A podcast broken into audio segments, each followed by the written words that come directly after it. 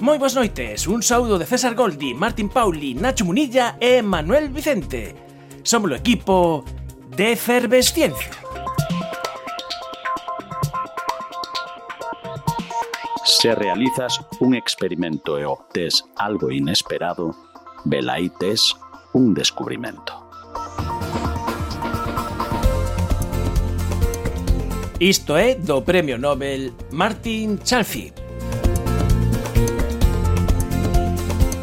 Chalfie non tería gañado o Premio Nobel de Química en 2008 de non ter escoitado falar nun seminario alá polo 1988 dos traballos dun tal Shimomura. Nos anos 60, o Samu Shimomura recolectou máis de 10.000 exemplares dunha medusa do Pacífico Norte que emitía fluorescencia verde – a Ecuore Victoria. Shimomuri conseguira illar unha proteína desta medusa que emitía luz, a ecuorina. Pero o resultado foi totalmente inesperado. Esta proteína fluorescente emitía luz a azul.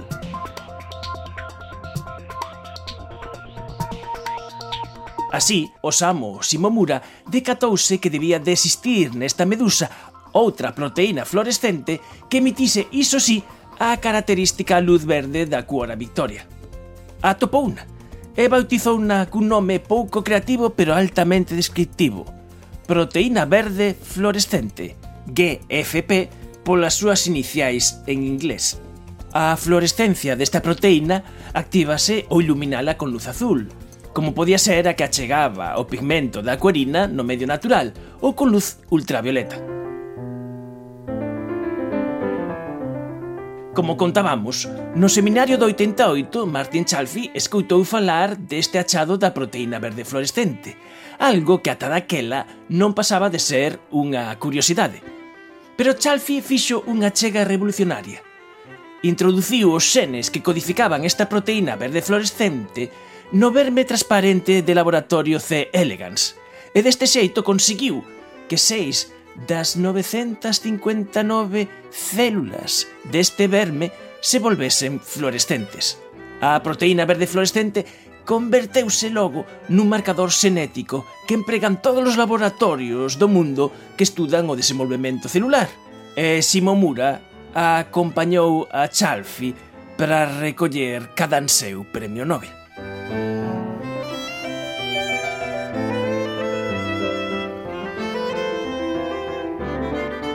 En Galicia tamén temos un microorganismo mariño que produce bioluminiscencia, a noctiluca, que é a causante das ardoras.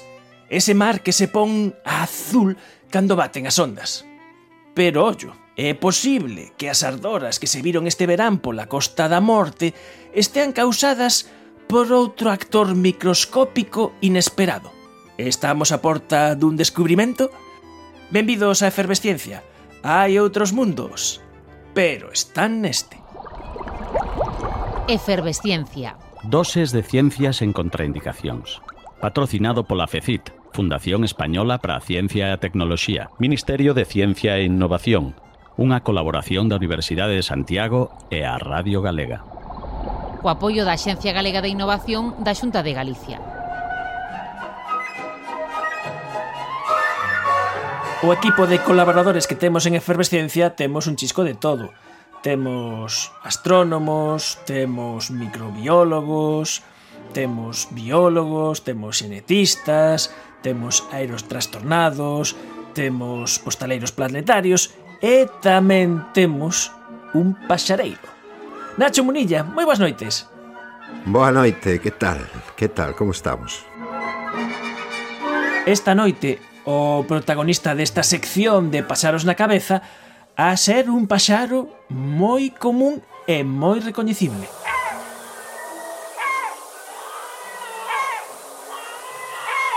Efectivamente, as gaivotas, as gaivotas que en certas circunstancias teñen aparecido mortas en Galicia por dúcias e por centos, e isto é algo que ten pasado non unha vez, senón varias ocasións, Nacho. Sí, ten aparecido, temos observado dunhos anos para aquí unhos episodios de, de mortalidade de gaivotas que nos teñen, bueno, primeiro a primeira vez que o vimos, vamos, non tiñamos nin idea do que podía ser e quedamos asustados. Con medo no corpo ainda botamos un, un tempo. Vai sendo recurrente todos os anos, en maior ou menor medida, pois pois observamos isto, que non nos gusta nada observar iso. Unha das cousas a que ti te dedicas é a facer censos de paxaros nas illas atlánticas, contar, non sei se un por un, os paxaros que van pasando. Un por un casi, casi. Non os que van pasando, sino os que pousan. Os que pousan nas illas para criar depende da ave que sexa. E o que fago son o seguimento de aves mariñas, non? E dependendo da especie, contas igual un por un, ou contas todos os niños un por un, ou todos os territorios un por un.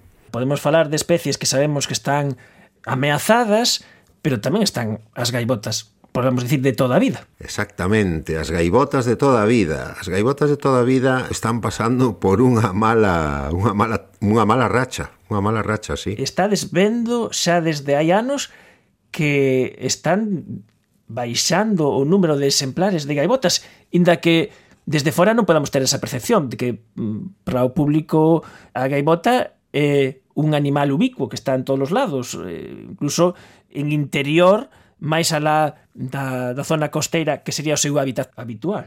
Para que vexas o que é a, a percepción no? que temos da, das cousas, unha cousa é a percepción que temos, incluso os que nos adicamos a isto, a nosa percepción, e outra é cando faz, recolles os datos de xeito sistemático.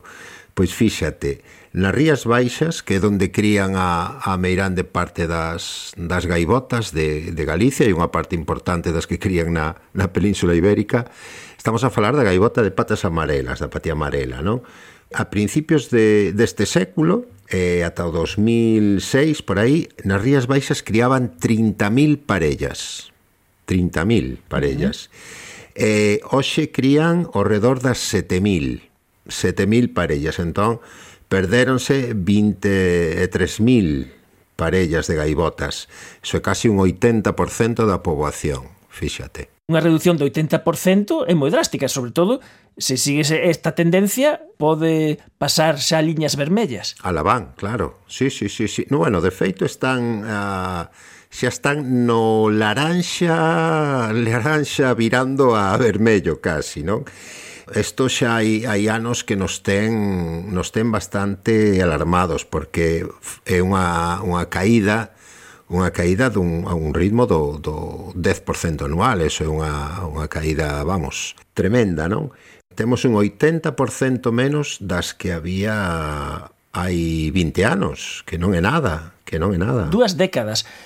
E, e sábese que está que está acontecendo, porque cando decías que a primeira vez E as primeiras veces que atopastes estas gaivotas eh, mortas conxuntamente que, que atopades eh, claro, nun principio podes pensar bueno, se morren xuntas pode ser un caso de envenenamento puntual, algo así pero se o episodio repítese eh, máis ou menos anualmente eh, quere dicir que está sufrindo unha agresión ás gaviotas. Sabes exactamente o que? Pois non, non se sabe. Non se sabe, hai varias hipóteses, Eh, igual tampouco porque ten, ten por que ser o, o mesmo en todos, en todos os lugares onde se atopa estes episodios de mortalidade.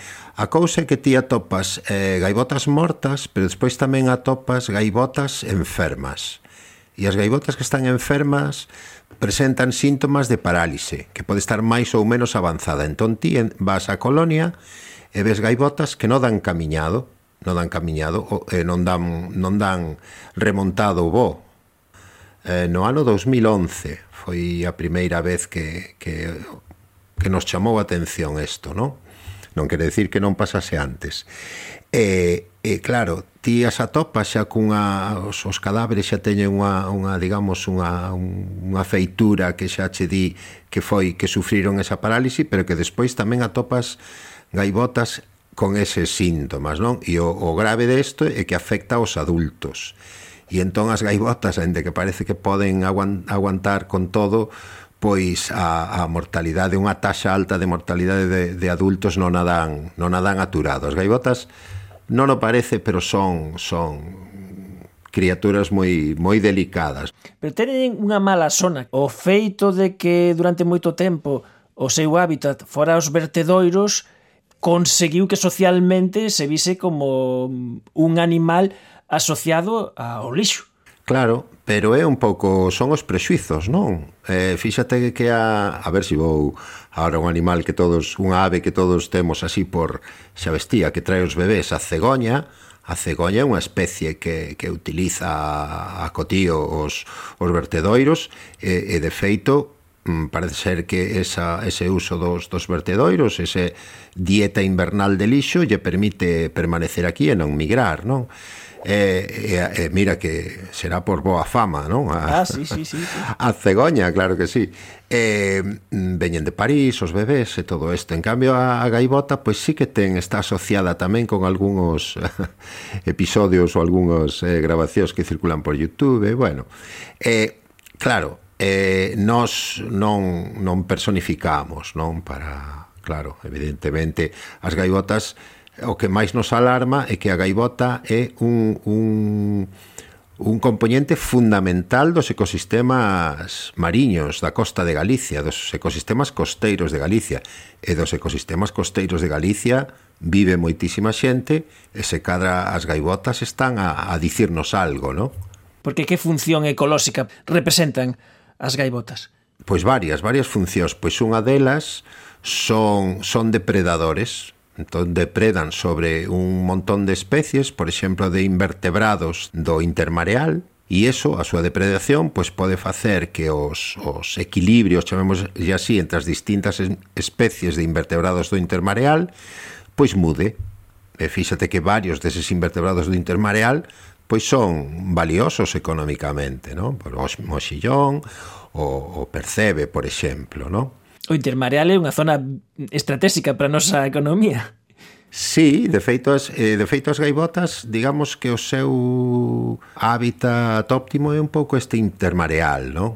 Outra cousa é que aprendan a, a aproveitarse de oportunidades de alimento como foron no seu tempo os vertedeiros que xa levan pechados prácticamente inaccesibles para gaivotas han de levar xa dez aniños. E falabas de máis funcións? Sí, e despois, fíxate, outra das súas funcións, é, por exemplo, tamén ten que ver con, con estos ecosistemas, fíxate que as gaivotas crían en illas crían en illas porque elas teñen que criar en sitios nos que non haxa depredadores, como por exemplo raposos.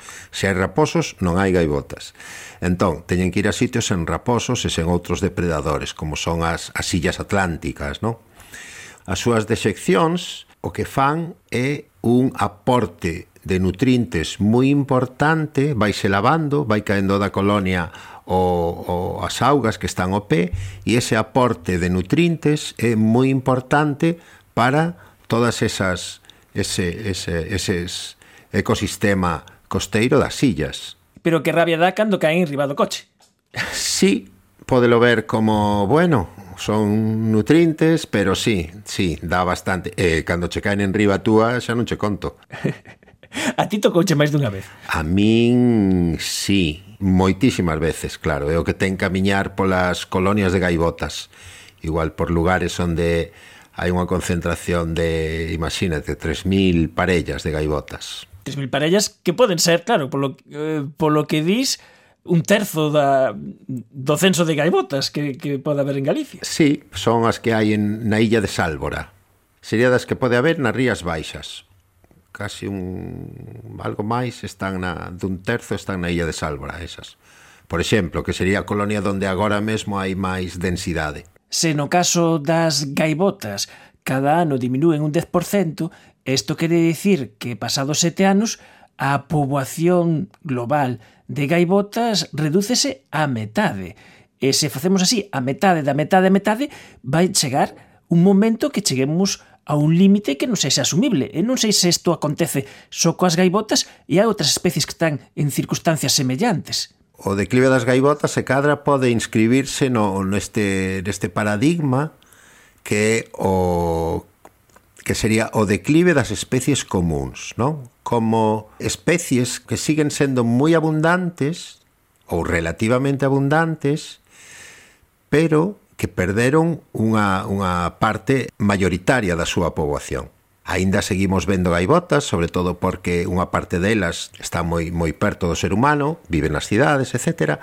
Mas aínda sai, pero perderon unha parte enorme, maioritaria da súa poboación. Bueno, pois isto está a pasar con moitos outros organismos, non? Isto pasou, por exemplo, cos pardais vamos, damos un paseo pola cidade, vemos pardais, pois os pardais teñen teñen diminuído o, o número de pardais ten diminuído moito nestes últimos anos. Entonces son especies que igual, claro, unha especie que ten, imagínate, eh, a súa poboación europea, por decir un número, son 100 millóns, e de 100 millóns pasa a 20 millóns. 20 millóns comparado con moitas outras especies, aínda siguen sendo cifras eh, moi grandes, non?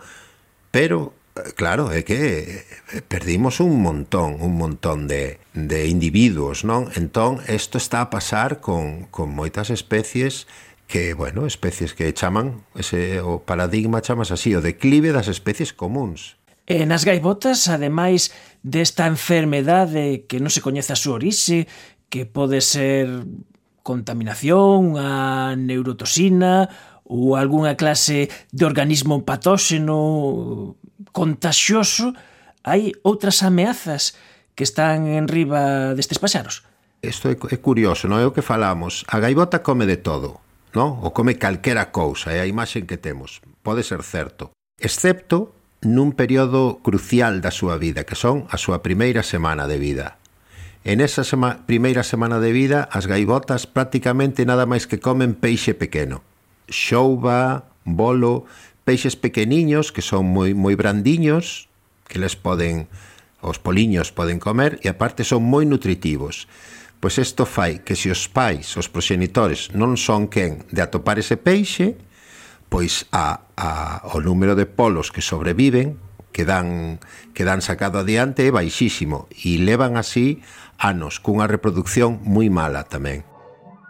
Nacho Munilla, o noso pasareiro, o gallá que eh, na seguinte ocasión de pasaros na cabeza podamos ter mellores novas. Claro que sí, falar de que podemos falar dun ave que, que, que recupera ou de uns paxaros que lles vai super ben.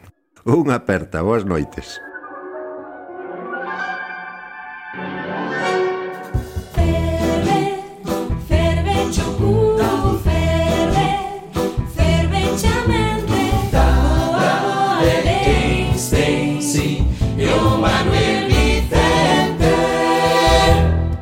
Boas noites, Manuel. Moi boas, a boa deste. Ah, que pasada que ben o pasamos outro día na, na que night, eh? que había de todo, había un coche feito a man, había eh, baterías astronautas, había unha cousa que me chamou moitísima atención un mogollón de xente que estaba todo, todo, todo tempo meténdose, agochándose debaixo, debaixo dunha mesa, e eu non sei nese stand que había, se había algún burrato negro ou algo que a xente desaparecía e volvía a aparecer, por, por que chamaba tanto a atención esa mesa e a xente facía esa cousa tan tonta e tan extraña de, de meterse todos ali debaixo. Hola, Fran. Hola, que tal? Pois tiñamos agochado algo que necesitaba escuridade para poder amosarlo a xente. Polo tema do COVID non podíamos usar unha caixa escura que fixemos con, con dous anteollos para poder achegarse máis, así que o que fixemos foi poñer unha caixa debaixo da mesa e esta caixa tiña un cultivo de fitoplanto bioluminiscente. Cando axitas se ilumina e se, se, se pode observar esa luz azul que no mar se coñece como Ardora ou Mar de Ardora. Nos fixemos unha Ardora, pois así, a escala de a escala caseira, con cun balón de un litro, e así podemos polo menos amosar a, a algúns dos que pasaron polo taller da Ignite esta luz, ¿no? de, porque moita xente non a viu e non a coñece. Acabo de perderme. Que iso de unha ardorra? Ardorra de estómago? Que, que, que é unha ardorra? E que ten que ver iso, co, iso coa luz? Si va por aí, ardora, ardentía do mar, é eh? como que o mar arde. Eh, ah, eh, cando vale, vale, faz, faz a queimada, esa, esa luz azul que estás quemando aí. Ah, vale, é a mesma. Vale. A mesma tipo o mesmo tipo de luz. De feito, é moi coñecido pola xente do mar, os pescadores, os ardoristas que se coñece no por ese nome, porque os bancos de peces eh, durante a época de es, primavera, verán, cando, cando é máis visible este fenómeno, os bancos de peces ao xitar o mar se ilumina o, o mar. Eh, entonces servía tamén para sirve para localizar eh, estes cardúmenes, os movimentos debaixo da auga, porque o mar se ilumina eh, por estas células microscópicas de fitoplancton. É, é como se Poseidón fose o alcalde de Vigo ou algo así, non? Pois algo así, sí, sí. Son como millóns de, bom, de pequenas bombillas que se iluminan. Sí, sí. De, de, de pequenos de LEDs. Eh, LEDs azuis, sí.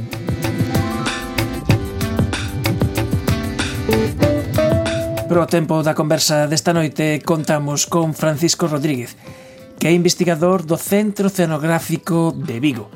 Investigador eh, no grupo de tosinas eh, mariñas desta institución eh, que foi veciño noso O venres pasado, cando fixémolo directo na noite europea das persoas investigadoras desde o tinglado de Vigo, e falábamos da ardora, é algo que, por exemplo, nas Rías Baixas normalmente eh, soe ser máis ou menos habitual que ocorra polos meses do verán. Sí, a meirande parte desta bioluminiscencia na, na superficie da mar a producen os dinoflaselados e estes organismos soen ser máis abundantes pois eh, nas épocas máis cálidas do ano, durante o verán, por exemplo, cando hai máis estabilidade da auga, crecen máis, se dispersan menos, entonces aumentan a concentración na auga e podes observar facilmente esta chispazos de luz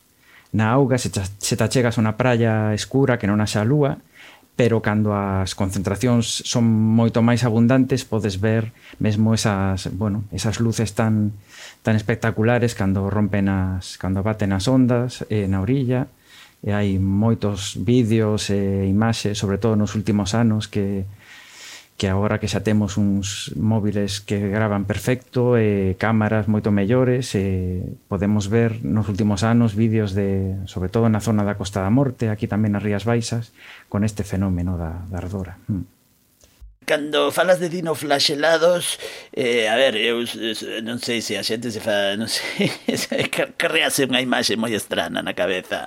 Dino, non sei, que son como microdinosaurios que teñen un látigo no cu ou como, como é? Eh, sí, suena un pouco a eso. Son, eh, bueno, eh, o de dino es por sí, por aspecto, bueno, como se foran eh, xigantes, grandes, eh, mm. o de flaselado teñen un, un, uns flaselos. En realidade hai dinoflaselados pequenos, de, dinoflaxelados de maior tamaño, as notilucas, por exemplo, que son as responsables da ardora nas rías baixas, estas mareas vermellas que tivemos estos días, eh, son tan grandes que podemos eh, observalas a simple vista. Miden como un milímetro e eh, son como, como bolitas así transparentes. Eh, outros pois miden son micras, milésimas de milímetro e necesitas un microscopio para, para miralos. E o, o do flaxelo sir, servelles eh, en algúns casos para poder moverse na, na, dentro da auga, poder, por exemplo, migrar na vertical, arriba e abaixo, movéndose entre a zona superficial que ten máis luz e a zona máis inferior que ten nutrientes, e isto é, un, é un beneficio ¿no? que, que teñen estos organismos respecto a outros este grupo que, que é moi amplo, algúns son os responsables eh, precisamente das toxinas que podemos atopar nos, eh, nos moluscos. Sí, moitas das toxinas que, que das biotoxinas marinas son producidas por, por este grupo de microalgas, os dinoflaxelados, sí. Eh, en Galicia temos un, un pouco un abanico bastante amplo destas, destas toxinas, sí. Uh -huh. E a noctiluca, eh, o que causa Esta ardora que se ve polas rías baixas podese ver que forma polo día podese ver as, as manchas, as agrupacións de noctilucas e, e logo mm, se hai sorte velas pola noite quere dicir, eh, teñen aspecto totalmente diferente día e noite. Sí, claro, cando ves as mareas vermellas que no caso de Noctiluca é unha cor así laranxa que a mí eh, me lembra totalmente o refresco este da Mirinda, unha fanta laranxa.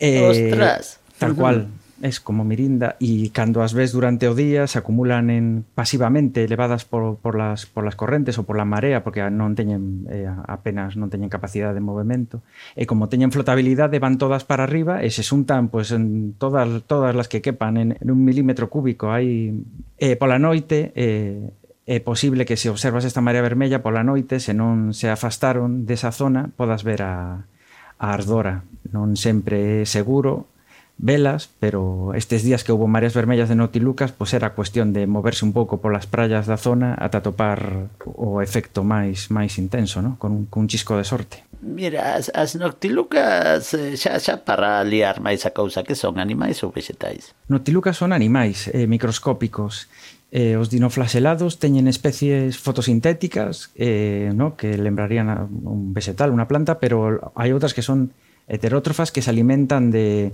de, de as presas que capturan. E ese é o caso das, das noctilucas que comen un pouco de todo, dalles igual dende bacterias ata mesmo ovos de zooplancton, son tan grandes que poden comer unha diversidade sí, sí, de organismos. E este ano, e tamén o ano pasado, eh, soubemos polas redes sociais, tivo moito eco, de feito teño aquí un calendario dos míticos calendarios dos que sempre falamos de ceos galegos e a foto do mes de, de setembro precisamente é unha foto de Quique Flash dunha ardora espectacular onde se ve a ardora, a Vía Láctea e, e, neste caso desde a praia de Carnota.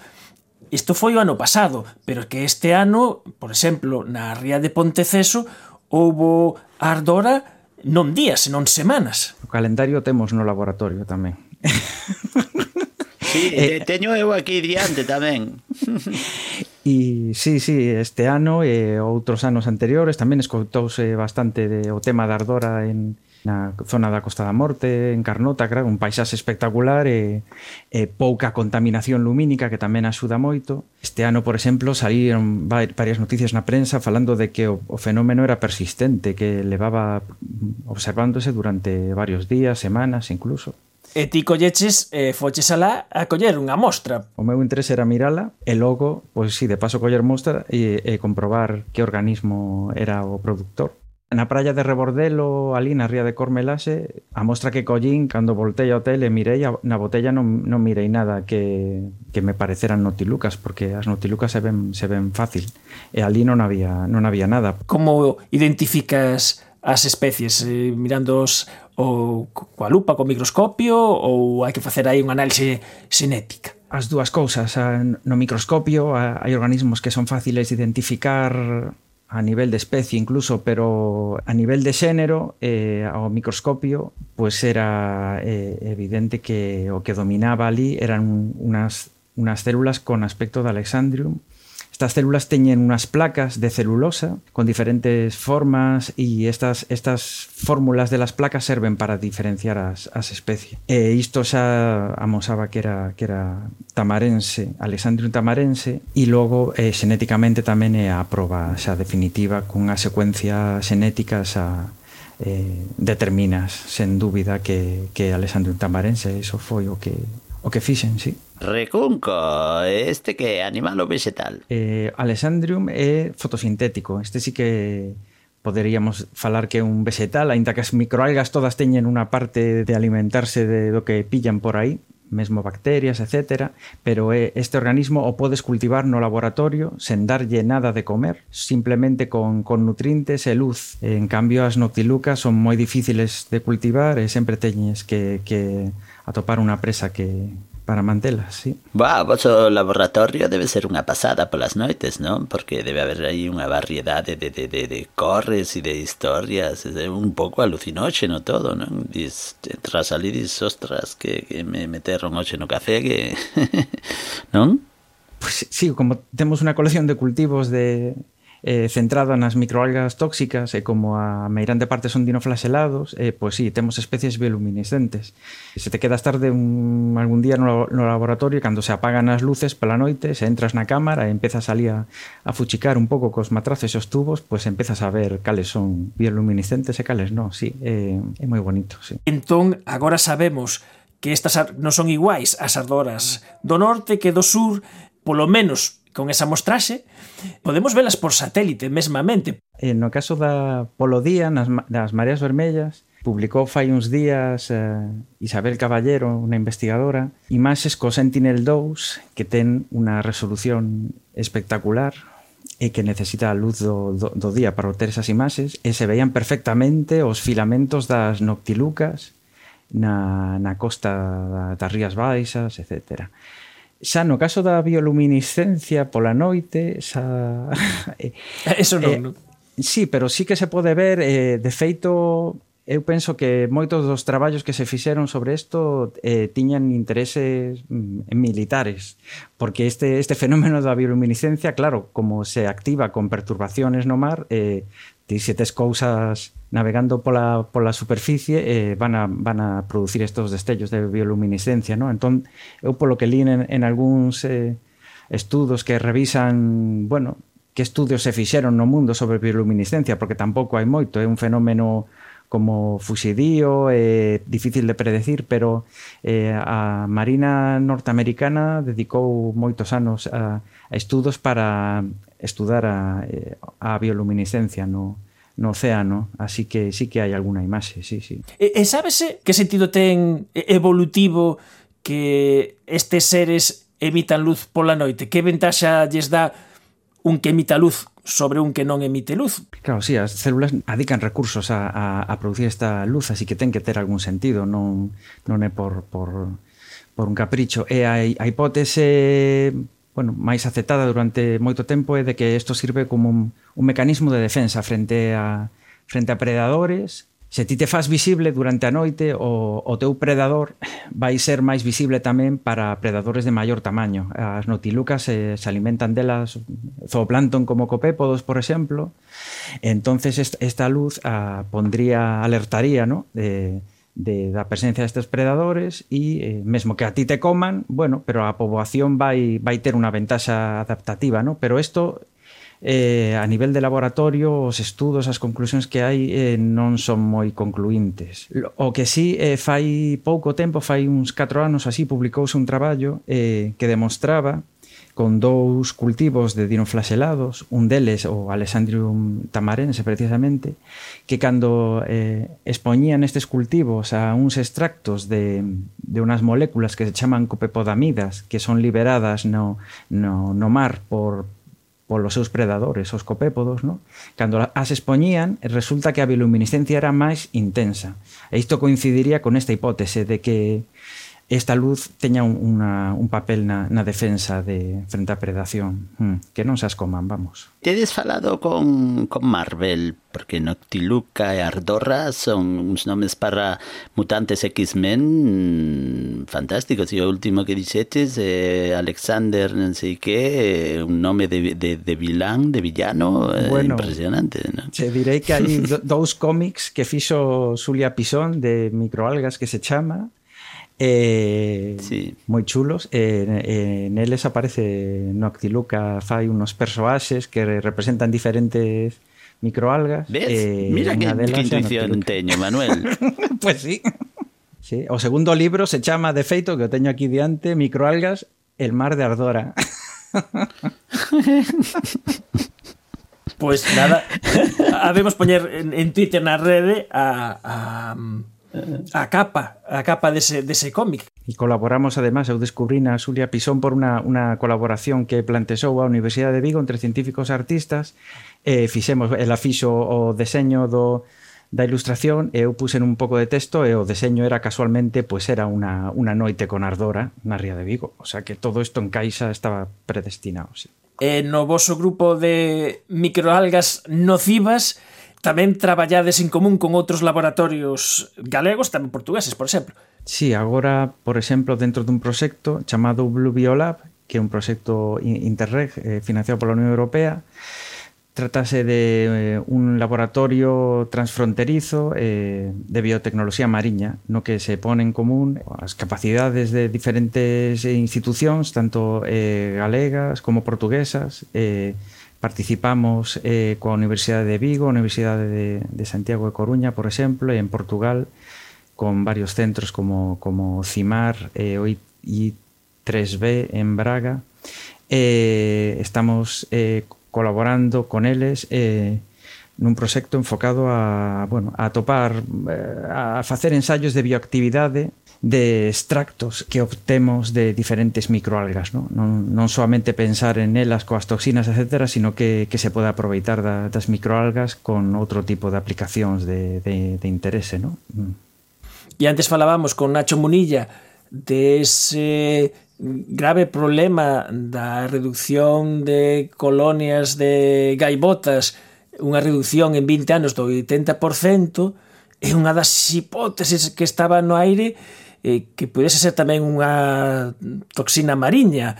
Dado que as, tox as, as toxinas teñen son neurotoxinas e teñen efectos diversos, por exemplo, parálise, está observado que algunhas destas gaivotas eh, teñen síndromes de eh, síntomas de parálise, pois non se pode desbotar a priori ninguna ninguna posibilidade, o que hai que facer é tentar analizar eh, o máis o abanico máis amplo posible de, de posibilidades para tentar atopar cal é o, o motivo que está eh, que pode estar afectando a, neste caso as, as gaivotas, sí, sí, entre eles. E vos tedes a xente que, que traballa nesto que, que colaborades? Sí, eh, colaboramos cun, cun centro en Portugal, no Algarve, no que teñen moita preocupación por este tema e eh, pois estamos abertos a, a colaboracións tamén aquí en, Galicia para tentar, bueno, aportar dende o noso laboratorio podemos analizar diferentes toxinas e, bueno, desbotalas ou sempre é interesante porque podes centrarte noutro, noutras cousas que podan estar afectando, pero quen sabe se podes atopar algo que este relacionado con, con biotoxinas, ¿no? Por lo menos, ata que non o analizas non podes desbotalo totalmente. Mm.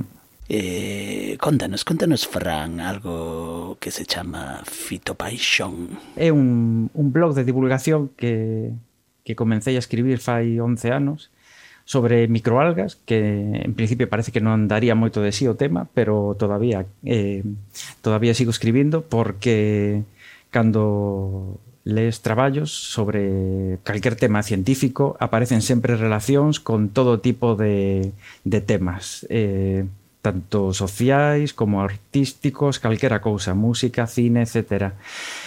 E, por suposto, divulgación de historias relacionadas co medio que nos rodea, o medio mariño neste caso. Entón, eh, bueno, pois eu deixo aí as historias que máis me chaman a atención durante o traballo ou os ratos libres. Eh, moitas veces a partir de artigos científicos eh, acabas atopando cousas sorprendentes.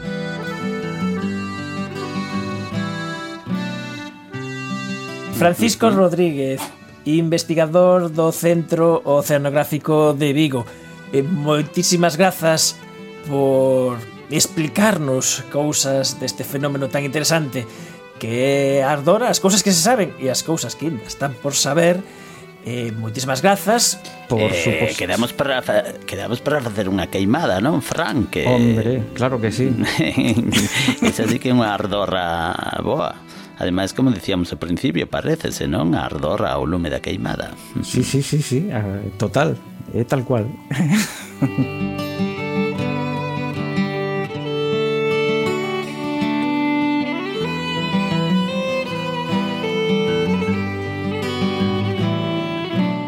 ciencia na Radio Galega.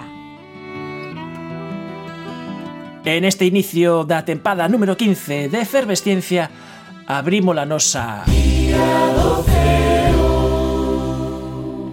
Guía do Ceo na que desta volta contamos con noso estreleiro Martín Pauli.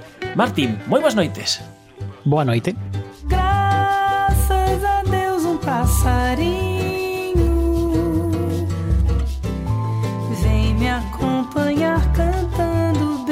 jeitinho. Eu já não me sinto só, tão só, tão só, com o universo ao meu redor. Seica, os estreleiros, as agrupacións astronómicas, a vosa agrupación IO en particular, pero todas en xeral, andades por estas datas cun cabreo importante, unha cuestión que vos ten un pouco de cabeza que habemos explicar agora e que o mellor non comprendedes que sodes parece que ser os únicos que estades preocupados polo chamamento á participación pública dun novo Real Decreto de loita contra a contaminación luminosa e de eficiencia enerxética no alumeado, algo que podría ser unha boa noticia, neste caso semella que é todo o contrario. Pois sí, porque infelizmente este proxecto de Real Decreto que aprueba el Reglamento de Ahorro, Eficiencia Energética y Reducción de la Contaminación Lumínica de Instalaciones de Alumbrado Exterior y sus instrucciones técnicas complementarias, que a denominación completa, só ten de reducción contaminación luminosa o título, eh, literalmente. Infelizmente non hai dentro del, dentro dese corpo de texto, un corpo de texto aínda provisional, está, insisto, aberto o trámite de audiencia pública, eh, e polo tanto susceptible de cambios e oxalá esperemos que haxa moitos cambios porque boa falta lle fan mas o caso é que dentro do texto actualmente presentado para, para esa evaluación pública non hai ningún tipo de, de contido que poida contribuir á reducción da contaminación luminosa. Antes, polo contrario, é un real decreto que promove de forma descarada a extensión das superficies iluminadas con decisións tan curiosas ou grotescas como a obriga de iluminar todas as gloritas de España, que son máis ou menos 28.000, eh, 200 metros en cada en cada sentido de entrada, non a glorieta. Isto é un paradoxo eh, moi curioso porque imaginemos un equivalente de que houvese un real decreto de reducción de eh, emisións de efectos de gases invernadoiro e que ese real decreto eh, dixese que non podes emitir cero, senón que tes que emitir un mínimo e que os máximos son totalmente volubles. Quere dicirse que este Real Decreto proíbe apagar a iluminación nocturna polas noites, a non ser que haxa unha excepción por aí. Sí, o, o, exixe que para poder facer un apagado completo ten que haber detectores de presenza como mínimo. Eso o, o expón en calquera zona, independentemente e o di expresamente que teñan pouca ou nula actividade. Cousas que en outros países de Europa, como pode ser en Francia, no que un de cada tres concellos un de cada tres, fai apagados parciais ou totais da súa iluminación para protexer a biodiversidade, a diversidade eh, da natureza nocturna, en España pasarían a estar automáticamente prohibidas por este Real Decreto. Sería imposible apagar, por exemplo, un parque ou unha zona que teña mm, ningún uso non? En horario nocturno e que se decidise apagar, por exemplo, por mm, garantizar maior estabilidade a esa fauna, e esa natureza nocturna, o que, por exemplo, está facendo agora desenvolvendo unha cidade como Xenebra en Suiza que ten un plan Lumière agora en desenvolvemento no que unha das zonas que queren protexer é o lago Lehmann, por exemplo, pois iso en España estaría prohibido por un real decreto que se dé de eficiencia en la reducción de contaminación luminosa. E o certo que non se me ocurre nada mellor, nada máis eficiente e nada máis efectivo contra a contaminación luminosa que apagar unha luz cando se é posible, non? Apagar as luces cando xa pasan as horas eh, e cando o tráfico é prácticamente nulo. Eu sempre direi que sempre lembro que eh, en Santiago de Compostela, na Casa da Troia, dicían que os farois só se encendían cando non había lúa. Cando había lúa chea non eran necesarios. E pode ser, pero que ademais eu coido que este Real Decreto cae eh, eh nunha cousa que se chama o, o efecto rebote, quer dicir, que tenga máis un nome este de paradoxo de, de, de Gebons, que quer dicir, contamos con sistemas LED que son moi baratos, eh, a súa eficiencia enerxética é moi boa, pero como a súa eficiencia enerxética é tan boa, imos tirar a casa pola ventá, imos iluminar máis, entón esta tecnoloxía que podería axudar a reducir, por exemplo, a eficiencia enerxética e, e a gastar menos, o que estás dicindo é, pois, como é moi barato, poño mm, cinco veces máis, co cal, ao final se faz a conta, estás gastando máis, inda que tes unha tecnoloxía que te podería permitir gastar menos. Sí, eh, que ademais hai un, un problema xa de concepto non do Real Decreto que eh, traballa exclusivamente sobre as instalacións de forma individual. Non? O que se preocupa este Real Decreto é de evaluar a eficiencia enerxética e as condicións que ten que ter cada instalación eh, de, de luz de forma independente. Mas o problema é un problema tamén global de acumulación desa cantidade de luz.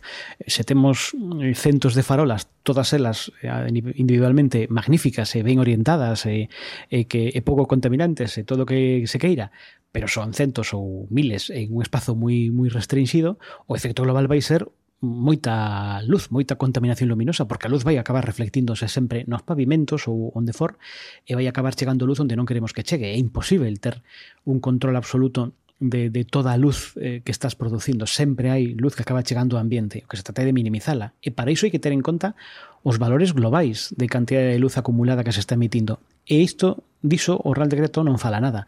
Non se plantexa ese objetivo, se plantexa analizar, estudar e ver como deben ser cada instalación por, por separado e aínda así lles permite infinidade de, de, de.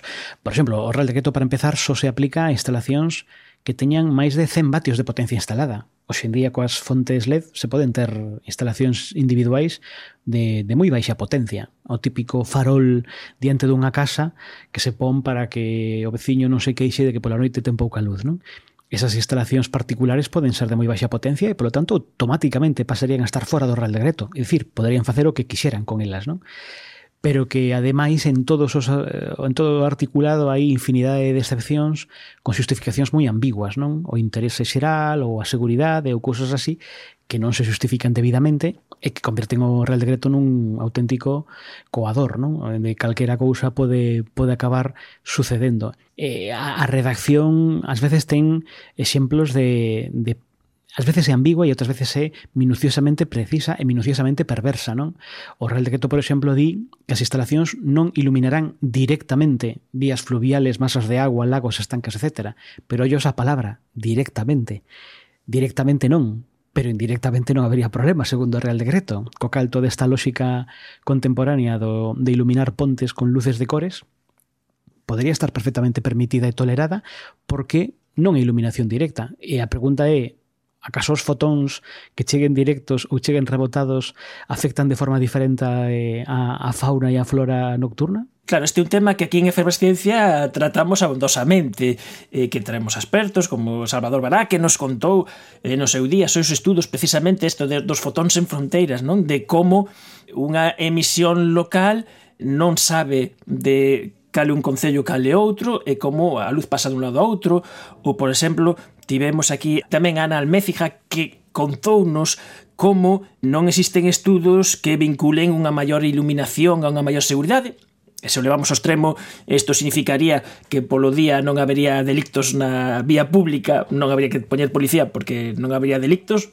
e sabemos que non é, entonces sabemos que esa, esa relación eh, non é tal, o sea, non, non, non está documentada e, e en todo caso son casos eh, puntuais, Entón, este saber nos últimos, non sei, nas últimas dúas décadas, parece que neste Real Decreto ignórase. Sí, sí, non soi que este Real Decreto este a marxe do coñecemento científico acumulado nos últimos anos e, e hai que ter en conta que nesta área da contaminación luminosa eh, que é unha área efervescente na que constantemente está vendo novas publicacións sobre impacto ambiental, impacto na saúde, e tamén cada vez se coñece mellor os, mm, digamos, modelos para eh, evaluar como é a propagación da luz e por aí adiante, e que polo tanto permiten ter un mellor coñecemento de cal é o estado da cuestión, eh, todo iso que aconteceu nos últimos anos e é moitísimo e que nos permite estar ahora máis concienciados do problema que a contaminación luminosa está fora deste Real Decreto, pero este Real Decreto está fora das recomendacións legislativas máis interesantes que temos na actualidade. Este mesmo ano, en xuño de 2021, o Parlamento Europeo aprobou unha resolución da Comisión de Medio Ambiente sobre a estrategia da Unión Europea sobre a diversidade aquí a 2030, co lema Reintegrar a natureza nas nosas vidas, que é un texto no que di abertamente, explícitamente, que ten que considerarse a contaminación luminosa eh, dentro dos elementos que alteran e afectan negativamente a biodiversidade e, polo tanto, pide eh, a Comisión Europea o goberno da Unión Europea e os Estados membros que velen porque dentro dos objetivos da Estrategia de Diversidade se inclúa expresamente a contaminación luminosa e, di textualmente, pide a Comisión que estableza un obxectivo ambicioso de reducción do uso da luz artificial no exterior para 2030 e que propoña orientacións aos Estados membros de, de como conseguir iso. Non? Es decir, o Parlamento Europeo este mesmo ano cun informe de máis escrito, curiosamente, por un eurodiputado do PSOE, que é o mesmo partido que en España está promovendo, o, o, o partido do goberno que en España promove esta reforma do Real Decreto, eh, está polo labor de reducir drásticamente a contaminación luminosa e, e curiosamente este Real Decreto vai noutra liña. Hai uns poucos días tivo lugar o Congreso Mundial do IUCN, que é un organismo non gubernamental, mas moi respetado e que ten carácter consultivo diante da, das Nacións Unidas, por exemplo, que aprobou unha moción específica de reducción da contaminación luminosa. Non? É dicir, son moitos países que empezan a ter en regulamento sobre contaminación luminosa, pero que son moitas os entes internacionais que empezan a tomarse moi en serio a contaminación luminosa como un elemento máis. E hoxe en día hai que dicilo, xa dicimos moitas veces, preocuparse pola, polo medio ambiente, preocuparse pola natureza e pola biodiversidade, hoxe significa preocuparse pola contaminación luminosa. Non é un capricho de astrónomos, é algo esencial para o mantemento do, do medio ambiente mm, nocturno, non? Me gustaría ayudar en serio, pero si abandono este observatorio lo ocupará otro astrónomo. Enseguida. Son como cangrejos ermitaños. ¡Oh, ahí hay uno! ¡Te estoy viendo! Falabas dos temas legislativos, hai uh, sitios, por exemplo, nas eh, Illas Canarias que hai unhas leis específicas de protección do ceo nocturno precisamente polo Observatorio do, do Instituto Astrofísico de Canarias que obviamente o mellor podría incluso haber colusión entre estas normativas. Eh, unha das cousas tamén paradoxe, eh, paradóxicas deste Real Decreto é que fala dos observatorios astronómicos dunha forma moi imprecisa, moi ambigua, e realmente non garante a súa supervivencia porque mm, di que hai que manter mm, unhas condicións de ceos escuros para esos observatorios, mas só se é posible, non?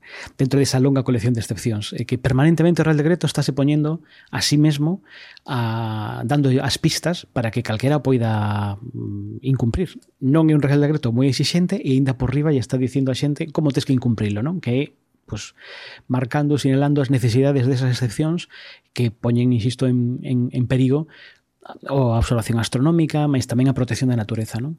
Iso é o, o, o problema deste Real Decreto e o que provocou esta reacción, eu creo que esta vez sí, moi importante de colectivos moi diversos. Non? A Sociedade Española de Astronomía xa se pronunciou en contra e son moitas entidades as que se están mandando alegacións. E ainda estamos a tempo de facelo, porque de feito ata o día 30, até mañá, hay plazo para, para poder mandar alegación. Si es tan simple como mandar un correo electrónico, eh, pues por las redes sociales podemos compartir luego eh, el caleo enderezo, porque amáis eh, o aderezo complicado e o asunto do correo electrónico é aínda máis longo e non collen un, un, un chío de Twitter, no? Como a quen di, eh, moitos caracteres. Sí, sí, é un título longuísimo, segundo trámite de audiencia pública para o proxecto de Real Decreto, bla, bla, bla, que dixen antes, non? Eso hai que poñer no, no asunto do correo. E o formulario, o, o, o, o digamos, non ten un formato as, as, as consultas públicas non ten formato de ningún tipo, é simplemente mandar un correo electrónico ao enderezo que, que xa compartiremos indicando, pois, lóxicamente, nome, apelidos, eh, contacto da persoa que manda as alegacións e calquera pode simplemente mm, dicir que o que lle parece mal, ni siquiera hai por que facer un estudo exhaustivo de todo o Real Decreto, que como te podes imaginar é un texto longo e con taboas técnicas que non é de lectura fácil, dende logo, non? Eh, non fe falla que se faga un análise exhaustiva de punto por punto. Calquera pode simplemente destacar algúns aspectos que lle parecen especialmente importantes, por la razón que sexa, E iso, e iso é suficiente. E eu creo que tamén temos que familiarizarnos máis coa idea de que as consultas públicas están para iso, para que nos manifestemos antes de e para que alguén se sinta obrigado a ler as cousas que, que di a xente, que é algo prácticamente, bueno, hoxendía case todos os procedementos legislativos teñen esta, estes trámites abertos eh, moitas veces non hai moita participación e cando nos damos conta xa é demasiado tarde. Neste caso estamos a tempo de poder compartir as nosas ideas sobre o Real Decreto.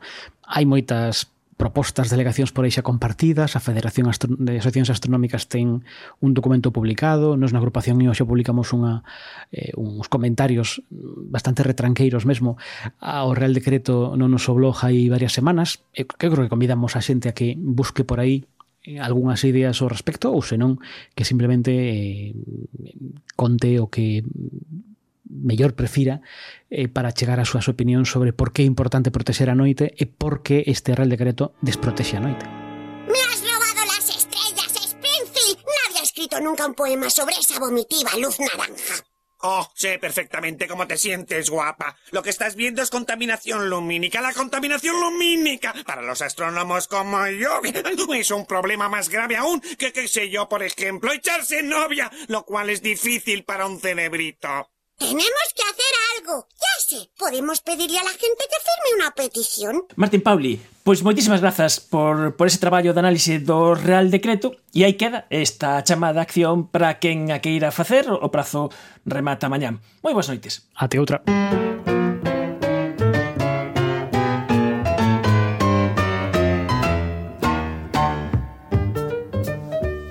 Efervesciencia. Patrocinado pola FECIT, Fundación Española para a Ciencia e a Tecnoloxía. Ministerio de Ciencia e Innovación.